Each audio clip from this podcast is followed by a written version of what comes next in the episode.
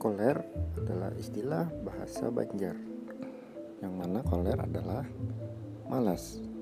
Malas itu ada berbagai macam.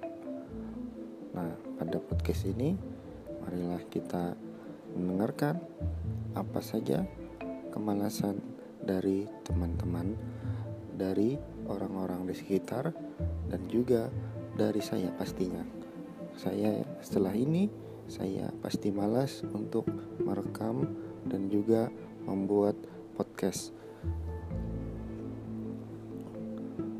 Bye.